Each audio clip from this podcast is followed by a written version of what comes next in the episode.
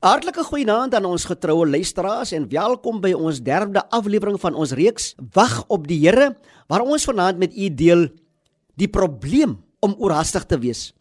Ons skriflesing 1 Konings 19 vers 8. Hy het toe opgestaan en geëet en gedrink en deur die krag van voedsel 40 dae en 40 nagte lank geloop tot by die berg van God Horeb. Dis aan ons almal bekend dat Jesus selfs in die tuin van Getsemane op God se antwoord op sy gebed moes wag. Dit was 'n tyd van bloedsweet. Die kragmeting op die berg Karmel het tot 'n einde gekom. Vuur het uit die hemel neergedaal. Al die mense het die ware God erken en die valse profete is om die lewe gebring.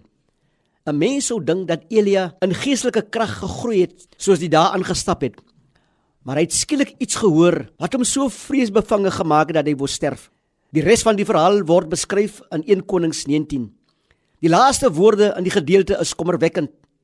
Wat maak jy hier, Elia? Elia se vrees het veroorsaak dat hy weggehardloop het en blykbaar op die verkeerde plek beland het.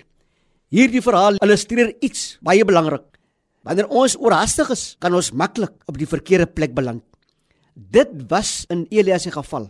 Vrees wat veroorsaak het dat hy oorweldig geword het in die woestyn ingejaag het. Daar het hy gewens dat hy nooit gebore is nie.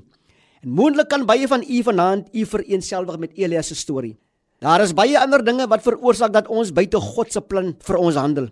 Hoe maklik is dit nie om toe te laat dat dinge soos passie, woede, ambisie, tekort aan geloof veroorsaak dat ons in plekke beland waar ons nie veronderstel is om te wees nie. Niemand van ons is bestand teen hierdie gevaar nie. Genade mag 'n gawe wees, maar dit is 'n gawe wat ingekweek, vertroetel en met sorg beskerm moet word. Kom ons verenig in gebed. Here baie dankie vir hierdie besondere oomblik.